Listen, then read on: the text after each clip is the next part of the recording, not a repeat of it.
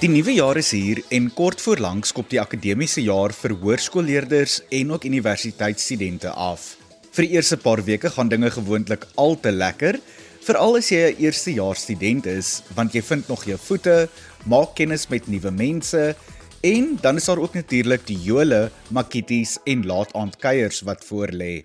Hallo hallo, ek is Adrian Brandt en ek kuier vir die volgende paar minute saam met jou in Kompas net hier op RSG.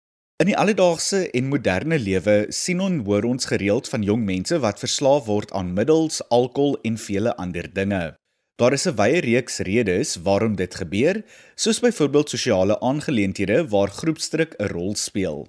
Hierdie middels laat 'n mens op daardie oomblik goed voel of word selfs gebruik as onskuldige pret of eksperimentering, maar kan ook dikwels lei tot 'n verslawing of misbruik van die middel soos om in moeilike en uitdagende situasies 'n bietjie verligting te vind. Voordat ons ons oë kan uitvee, het ons skuldige pret 'n verslawing geword waaroor ons geen beheer het nie. Dan praat ek nie eens van die skadelike impak wat dit op ons gesondheid het nie. Vanaand gesels ons hieroor in die program en my gas is Shaal Davids, 'n beraader en sielkundige. Shaal praktiseer onafhanklik en is ook verbonde aan die Universiteit Stellenbosch se studente voorligtingseentrum. Hy vertel vir ons 'n bietjie meer van die impak wat hierdie middels op ons gesondheid het en hoe ons kan voorkom dat skadelike gewoontes in 'n verslawing ontwikkel. Kom vind jouself met Kompas. Shaal, ons weet dat ons jong mense onder druk verkeer en dikwels soek na uitlaatmeganismes soos byvoorbeeld dinge soos alkohol, dwelms en ander tipe middels. Hierdie druk kan byvoorbeeld wees akademiese druk, gesinsdruk, familiedruk en dan ook natuurlik groepsdruk. Ek vermoed dat hierdie probleem sekerlik erger is op universiteit as wat dit op skool is. Ek dink nou hier byvoorbeeld aan die jole en die smeer wat voorlê so aan die begin van die akademiese jaar. Hoekom is dit so dat jong mense staat maak op sekere van hierdie praktyke of meganismes? En ek dink jong mense hanteer stres soms op baie negatiewe maniere. En dit kom natuurlik van verskillende praktyke af want gedeeltelik is dit dat jong mense leer nie noodwendig die die nodige coping uh, uh, mechanisms om met stres te hanteer nie. En ek dink as ons praat van waarvandaan dat hy hoe leer ons vir jong mense daai daai coping skills en is is gewoonlik maar deur goeie support systems, deur vriende kringe, um ons peers, ons ons ouers en en hoe ons dit in in gemeenskappe probeer kry sodat jong mense, maar dit beteken hulle moet dan by mekaar uitkom. Wat ons vandag sien is dat jong mense so besig op sosiale media en en daar word nie daai verhoudings regtig gebou nie, so so daai emotional maturity amper um word dan nie uh, develop nie. En dit is waar ons soms daai daai probleem kry en en as jy dit gepaard gaande met um, as kinders deur traumatiese ervarings gaan wanneer hulle in gemeenskappe groot word. En as ons net kyk in baie gemeenskappe in Suid-Afrika op die oomblik, is daar so baie geweld of dit nou binne in die huis of buitekant die huis is, binne in die in die gemeenskap in sigself. Dan sien ons dat hoe ons kinders eintlik maar deur geweldige uh, um trauma en stres gaan. En dan verwag ons dat hulle dat hulle normale coping mechanisms het. So hulle leer nooit daai emotional maturity aan om dit te kan doen nie, want daar's soveel um isolation en goed met kinders en mense want dit is amper dat hulle moet nou almal binnekant ehm um, die huis groot gemaak word want ons is so bang vir wat buite kan op die strate mag gebeur of binne in die gemeenskappe. Maar kinders soos hulle altyd so children learn through play. En op hierdie oomblikke ehm um, kry hulle nie is daar die geleentheid om dit te doen baie vryvol so nie En en die die grootste rede hoekom ek dink baie jong mense en in in universiteitsstudente ewen baie angs het soms is is die akademiese lading. En en hulle sit tot laat aande om om hierdie werk gedaan te kry. En dan die die die pressure wat ons sit ons die ouers en groot mense in hulle lewe is dat hulle moet heeltyd net perform en hulle moet heeltyd net die beste kry doen en so meer. Maar maar ons gee nie vir hulle die geleentheid om om rit te raak van daai stresses en goed wat opbou nie. En ons het is 'n in in in baie van ons families het ons sê wat ek noem 'n feeling language wat ons eintlik incheck met ons kinders om te hoor of alles oukei okay, en sê ons verwag net dat hulle heeltemal oukei okay moet wees. Shaal, ek het genoem dat sekere van hierdie praktyke middels soos alkohol, opkikkers, dwelms, rook en dies meer insluit.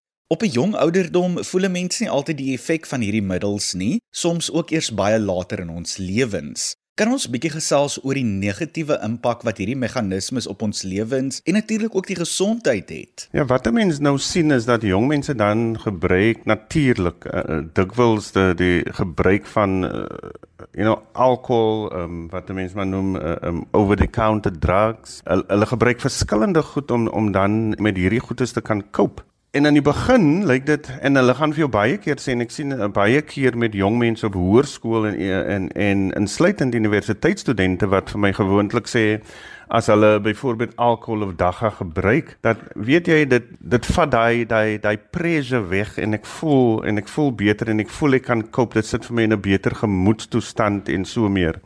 So ons maak eintlik maar seker dat dat ons ons kinders en jong mense dryf om om om hierdie goedes te doen. Want onthou, as ek nie 'n spasie het waar ek daai uiting kan gee aan my emosies en hoe ek voel nie, dan beteken ek moet iets gebruik om om om dit te kan hanteer of te cope met die presse en die stres van of dit nou akademiese goed is of dit nou is dat ek deur trauma gaan. En onthou, jong mense dink nie op hierdie oomblik, hulle dink hulle gaan vir ewig lewe en dat dit nie so groot impak het nie. Maar onthou die die onmiddellike gevoel en as jy nou kyk as 'n mens enige substansie gebruik dan beteken dit dit laat my baie beter voel. Nou dink nou net vir jou in as 'n as 'n jong mens glad nooit gelukkig is en die, en die enigste ding wat ons as mense wil hê ons wil gelukkig wees en hierdie substansie wat ek gebruik laat vir my vir daai oomblik voel of ek gelukkig is en dat ek en dat ek beter voel oor myself dan gaan dit natuurlik elke keer gebruik word so daarom moet ons vir hulle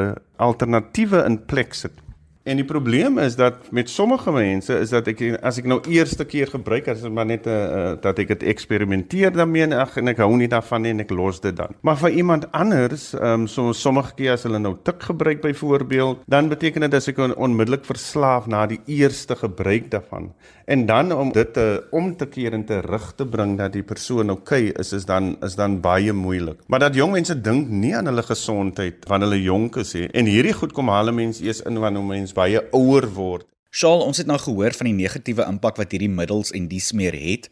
So ek moet vra, wat is alternatiewe of gesonde meganismes waarop ons kan staatmaak of selfs waters ander praktyke wat ons kan implementeer wat meer voordelig is op ons gesondheid, het sy dit nou fisiese gesondheid of ons geestesgesondheid. Jy weet daar's baie positiewe alternatiewe wat ons in plek kan sit. En die eerste ding is ek dink binne in ons families moet ons definitief begin hê dat ons wat ek noem 'n feeling language het, dat ons gepraat oor met ons kinders en jong mense uh, um, en ek glo van kleins af al dat hoe ons voel oor goed. Ons is gewoonlik kom ons in die huis en, en as ouers het ons die hele my ag ek kom van die werk af ek moet nou nog hierdie goed by, ek moet nog kom kos maak, ek moet nog hierdie goed kom doen by die huis en, en ons luister nie na na na ons kinders regtig en want in ons ding is net dat ons moet nou al hierdie chores doen en ons moet klaar kry en want hulle moet in die bed kom, hulle skoolwerk moet klaar gedoen word en en, en so voort.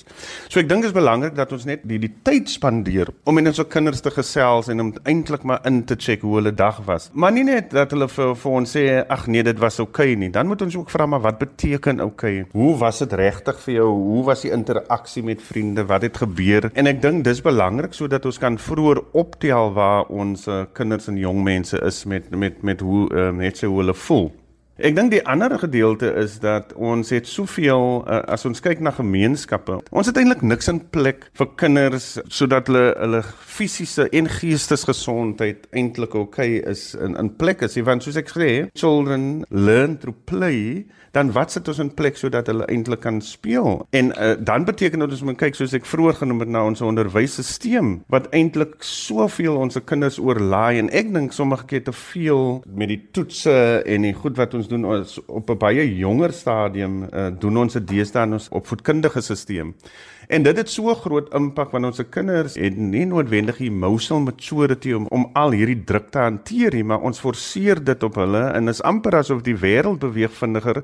So nou moet ons sommer dat ons se kinders ook vinniger beweeg. En as ek kyk, uh, soos ek sê, ons sit niks in plek vir vir die kinders nie. So as kyk na baie van ons gemeenskappe, waar speel ons kinders? Ons is so behep om al die spasie op te neem met geboue, huise en goed, maar daar's niks uh, speel regtig speel areas vir vir ons kinders. So dis daai die hele design van 'n gemeenskap hoe ons dit is daar genoeg speelplek vir kinders. Maar het ons organiseerde play wat ons as ouer mense eintlik in plek sit vir ons jong mense. Ehm um, want op die oomblik verwag ons dat dit hulle moet dit self doen. Ek kyk net na ons uh, tipe goed as, as ons kyk sport in baie van ons uh, die skole wat nie so goed af is nie.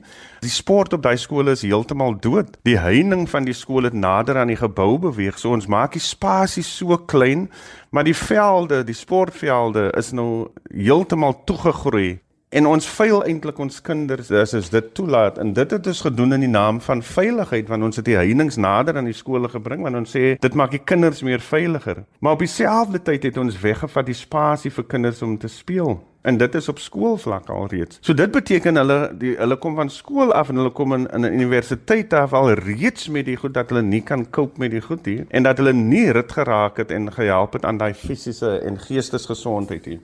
Ek kan onthou sê al net toe toe ek groot word, was daar soveel kindergroepe en organiseerde speel wat gereël was deur ouer mense wat die jong mense later oorgeneem het en dan organiseer jong mense hulle self in elk geval. Ons moet kyk hoe ons in ons eie gemeenskappe self daardie tipe goeders begin organiseer en hanteer as ons regtig wil hê dat ons kinders die nodige goed in plek moet hê vir vir fisiese en geestesgesondheid. En soos ek sê dat ons moet regtig ons kinders dat dat hulle meer verhou verhoudings met mekaar het en en met mekaar integreer want as hulle dit nie doen nie dan dan leer ons nooit aan hoe hanteer ek binne verhoudings die die stresses binne verhoudings en goed en wanneer hulle ouer word dan verwag ons hulle dit hulle moet dit kan hanteer maar ons help nooit hulle daarmee nie. Die volgende ding dink ek net 'n belangrike punt wat ek wil noem ek sê altyd dat ouers um you must teach your children disappointment in life Die probleem is ons kinders vra en ons sê ja vir alles. En en sommige keer moet ons nee sê want dit help met die die development van daai ehm um, die, die die disappointment in lewe want wanneer hulle gaan vorentoe in die lewe groot disappointments kry en dan het hulle nie die noodwendige meganismes om dit te hanteer nie. Want ons het nie op 'n jong ouderdom vir hulle dit aangeleer nie.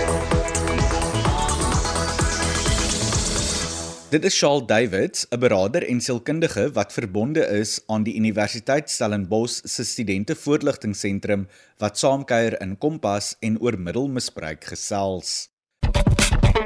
Kompas. Kragvers en knetterend. Ek is weer terug agter die Kompas mikrofoon en ek kuier saam met jou in jou kombuis, voorhuis of sommer in die passasierssitplek van jou motor indien jy op die pad is. Ek is Adrian Brandt en jy is ingeskakel op RSG 100 tot 104 FM. Soos ek vroeër genoem het, begin die akademiese jaar binnekort en ek het onlangs met 'n paar van 2023 se matrikulante gesels en uitgevind wat hul raad en wenke is aan die klas van 2024.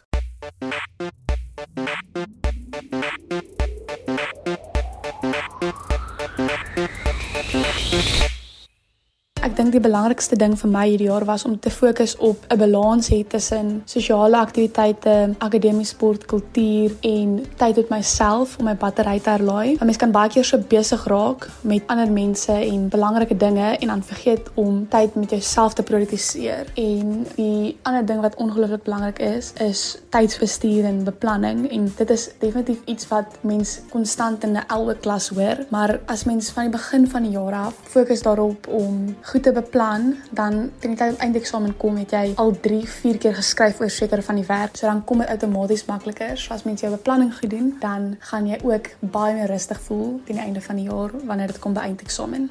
My raad en advies aan matrikulante van 2024 is: Maak seker jy het 'n duidelike doelwit. Bly by jou voornemens en werk elke dag pliksgetrou en hard. Hardwerk is goed, maar 'n goeie balans tussen hardwerk en slim werk is wat nodig is. Bly by en hersien die werk voor en na klas. Leer is 'n aanlopende proses en om besondere uitslae te behaal, verg baie opofferings. My raad vir die matrikulante van 2024 is moenie probeer om elke liewe aktiwiteit wat die skool vir jou aanbied te doen nie. Bly maar by die basics doen wat jy geniet ook, maar moet ook nou nie elke liewe ding gaan doen net omdat jy matriek is nie en dan besef jy eintlik ek het nou eintlik my tyd gemors, ek moes gaan leer dit nie. Maar ook hou op stres oor matriek wees. Ek weet mense het altyd vir my gesê matriek is die beste jaar van jou lewe. Ehm, um, ek weet nie. Terwyl jy in matriek is, dan dink jy waaroor praat die mense? Hulle is regtig mal, want hulle is so besig, so baie dis eintlik nogals baie werk. Almal sê altyd jaar se hersiening van graad 11, dit dis regtig nie. En almal sê ook maar net begin vroeg. Ek weet jy bly net by met al die werk, hou net kop bo water. Geniet alles, doen alles, slaap genoeg. As jou huiswerk nie tot 10 uur klaar is nie, dan is dit nou nie klaar nie, dan gaan slaap jy net. Tensy jy nou soos dissiplinêre inskrywing gaan kry daarvoor. So ja, kry al jou planne agter mekaar en kry net 'n game plan en bly daarbey. My raad vir die klas van 2024 is om deurlopend te volhard. Hulle jok vir jou.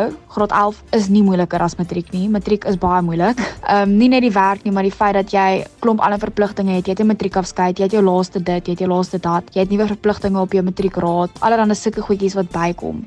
So matriek is 'n challenging jaar. Dit het baie op en afs, maar die belangrikste is om te onthou om in die klas te fokus en te werk en deurlopend te volhard. Moenie opgee aan die einde nie. Dit raak moeilik. Mense raak moeg na die tweede eksamen want jy skryf deeltyd oor dieselfde werk, maar dit is nou een van daai dinge. So skryf jou doelwitte neer en werk daarvoor. Dit dan 'n paar van 2023 se matrikulante wat hul raad en wenke met die klas van 2024 gedeel het, veral so kort voordat die nuwe skooljaar afskop.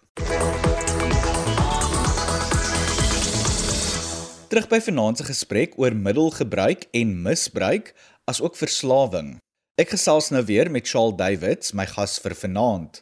Charles is 'n beraader en sielkundige en is ook verbonde aan die Universiteit Stellenbosch se studente voorligtingseentrum. Ons gesels nou oor alternatiewe maniere en dinge om druk te hanteer en wat ouers en ander rolspelers kan doen om te help.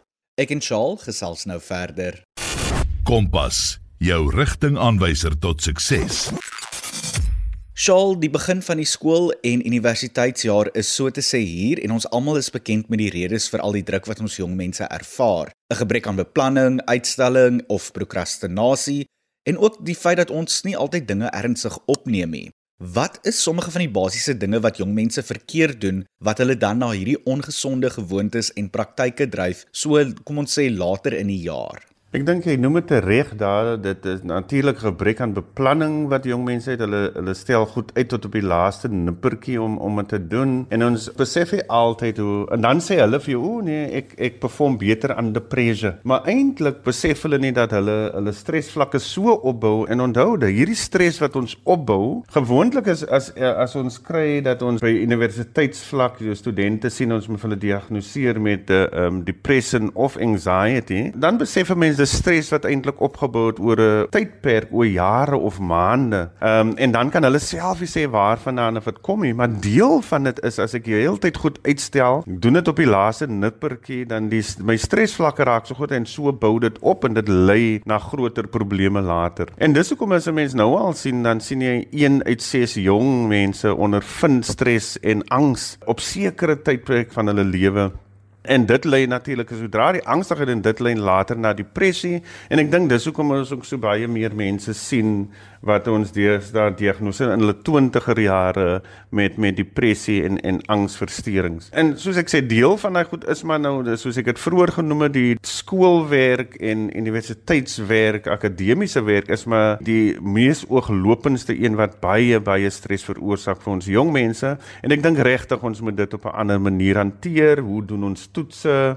Of dit op skool of op uh, eh, um, universiteit uh, tye is. Sy kyk na die matriek leerlinge dan gaan hulle altyd vir hulle begin sê van die begin van die jaar, o, oh, dis jou mees belangrikste jaar in jou lewe en jy moet al hierdie tipe gedoen. So so ons bou daai stres so op in jong mense die angs vir wat hulle gaan verwag van daai jaar voor hulle die jaar begin uh, sit ons al daai presse op hulle waar ons net kon gesê ja elke jaar van jou skoolloopbaan is is belangrik en dat al jy jy daardeur sal kom maar, maar ons bou dit so op vir hulle in en dit is hoekom ons sien dat daar so baie stresgevalle en angs en in depressie gevalle in matriekjaar gewoonlik gebeur.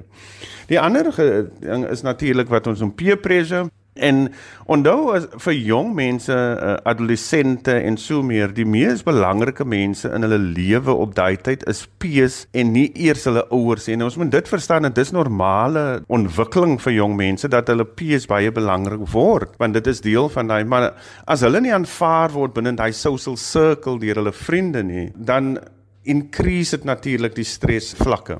Die volgende ding is natuurlik uh, as hulle uh, toetse um, nou nie deurkom nie, right? Ehm um, of hulle nou 'n laer punte kry as wat hulle verwag het. Maar ook die die presse wat ons uh, op hulle sit in families of vriende sonder dat ons dit besef. Ons sal miskien vir ons se kinders sê dat ehm um, jy moet goed doen. Ehm um, dit is vir jou eie beswil. Ek eh, ehm um, jy you know jy moet hierdie karier baie goed gaan doen en so meer. So dan beteken dit sodra daai kind te toets gedryp het, dan dink hulle hulle het hulle ouers, hulle gemeenskap, hulle familie het hulle nou disappoint. En dit is vir hulle so groot ding. En ons sien dit met met jong mense en uh, universiteitsstudente wat selfmoord pleeg. En en sommige van die notas wat hulle agterlos gaan alles oor akademiese prese maar onthou as hulle iets gedryf het dan kan hulle dit nog weer herhaal. Maar maar ons gee nie vir hulle daai opsie voor die tyd nie. Al wat ons weet hulle moet die hele tyd moet hulle die beste program en dis amper hulle moet 'n A kry en alles is ons is nie tevrede as ons 'n kind net geslaag het met iets nie. Want dan wil ons hulle sê nee, maar as jy met hierdie resultate huis toe kom dan dan gaan dit dan gaan jy nêrens kom nie. Die ander gedeelte van dit is as die kind daardie A kry, dan maak ons so groot 'n groot ophef van dit maar net vir daai dag. Net wanneer hulle goed doen of wanneer hulle slaag, net vir daai dag of miskien 'n paar dae nog na die tyd. Maar laat daai kind iets dryf dan hoor hulle vir die volgende jaar oor hierdie ding en hoe hoe, hoe dit nou die groot impak wat dit het en hoe uh, hoe sleg hulle eintlik maar is en so meer. En dis die probleem dat ons maak eintlik seker dat ons se kinders en en in in society at large dat ons soveel energie spandeer aan die negatiewe goed en nie aan die positiewe goed nie. Dat ons eintlik vir ons kinders moet sê vir die klein ding wat hulle reg kry, moet ons eintlik dit so bly wees daaroor en vir hulle sê dat ons ons is baie proud van hulle want want hulle hoor dit nie. En as hulle by ons hoor by wie gaan hulle dit hoor? En ek hoop dat onderwysers en lektors en op universiteit sê vir ons studente en ons jong mense op skool dat ons is proud van hulle in in terme van wat hulle achieve. En dit moet ons ook in ons families doen en ons moet ophou net fokus op die negatiewe van ons van ons jong mense of kinders goed nie goed doen nie Ek kyk hoe ons jong mense geforseer word om om hoeveel volumes en volumes van boeke te lees en goed nou lees is nie noodwendige 'n uh, uh, bad uh, ietsie. Ek dink almal moet uh, ons moet almal uh, um, aanmoedig om te lees. Maar die hoeveelheid wat hulle moet deurgaan en en dan deel van dit is dan slaap hulle nie genoeg nie. En as hulle nie slaap nie, dan is hulle so irritable die volgende dag en hulle konsentrasie is ook weg. En dan moet verwag ons dat hulle nog steeds moet gaan perform. En dit raak 'n moeilike ding want ek kyk veral met universiteitsstudente die die hoeveel tye wat hulle spandeer uh, rondom sekere periodes waar hulle glad nie amper slaap nie dan verwag hulle hulle gaan perform die volgende dag het sy hulle nou 'n toets of 'n eksamen ook moet skryf. So ons moet definitief kyk wat is die boodskappe wat ons vir ons jong mense gee. Shaal ons moet groet, maar voordat ons doen, watter slotgedagtes, wenke of boodskappe is dit wat jy graag vanaand met die luisteraars wil los? Ek dink die grootste takeaway vir my regtig is um, en vir alle jong mense daar buite sê het sy in op hoërskool is, um, laerskool is, op universiteit is, dat dit maak nie saak wat jy in die lewe deurgaan nie. Daar's altyd iemand om in te gesels. As jy dit nie met jou ouers kan doen nie, is daar 'n onderwyser, is daar 'n groot mens in die gemeenskap wat jy net na toe kan gaan en sê luister hierso, ek doen nie okay nie. Daar's iets wat nie lekker is met my nie want glo vir my, daar's altyd hulp vir julle. Right? En en dat ons nie moet gaan na soos byvoorbeeld om alkohol te misbruik en so meer nie, want dit het het later 'n impak op ons as ons soveel alkohol gebruik terwyl ons nog op hoërskool is. Dit affekteer ons brein in so 'n mate dat as ons nog wil universiteit, college of ewen net gaan wil gaan werk na skool, dat dit dit so 'n impak op 'n mens dat dat dat dat mense karier, die werk wat ek gaan doen, wat ek wil verder gaan studeer, dat dit dit moeilik gaan maak gedurende daardie tye. En onthou by daai tyd moet ons nou met julle werk om van die substances af te kom, die alkoholmisbruik weg te kom.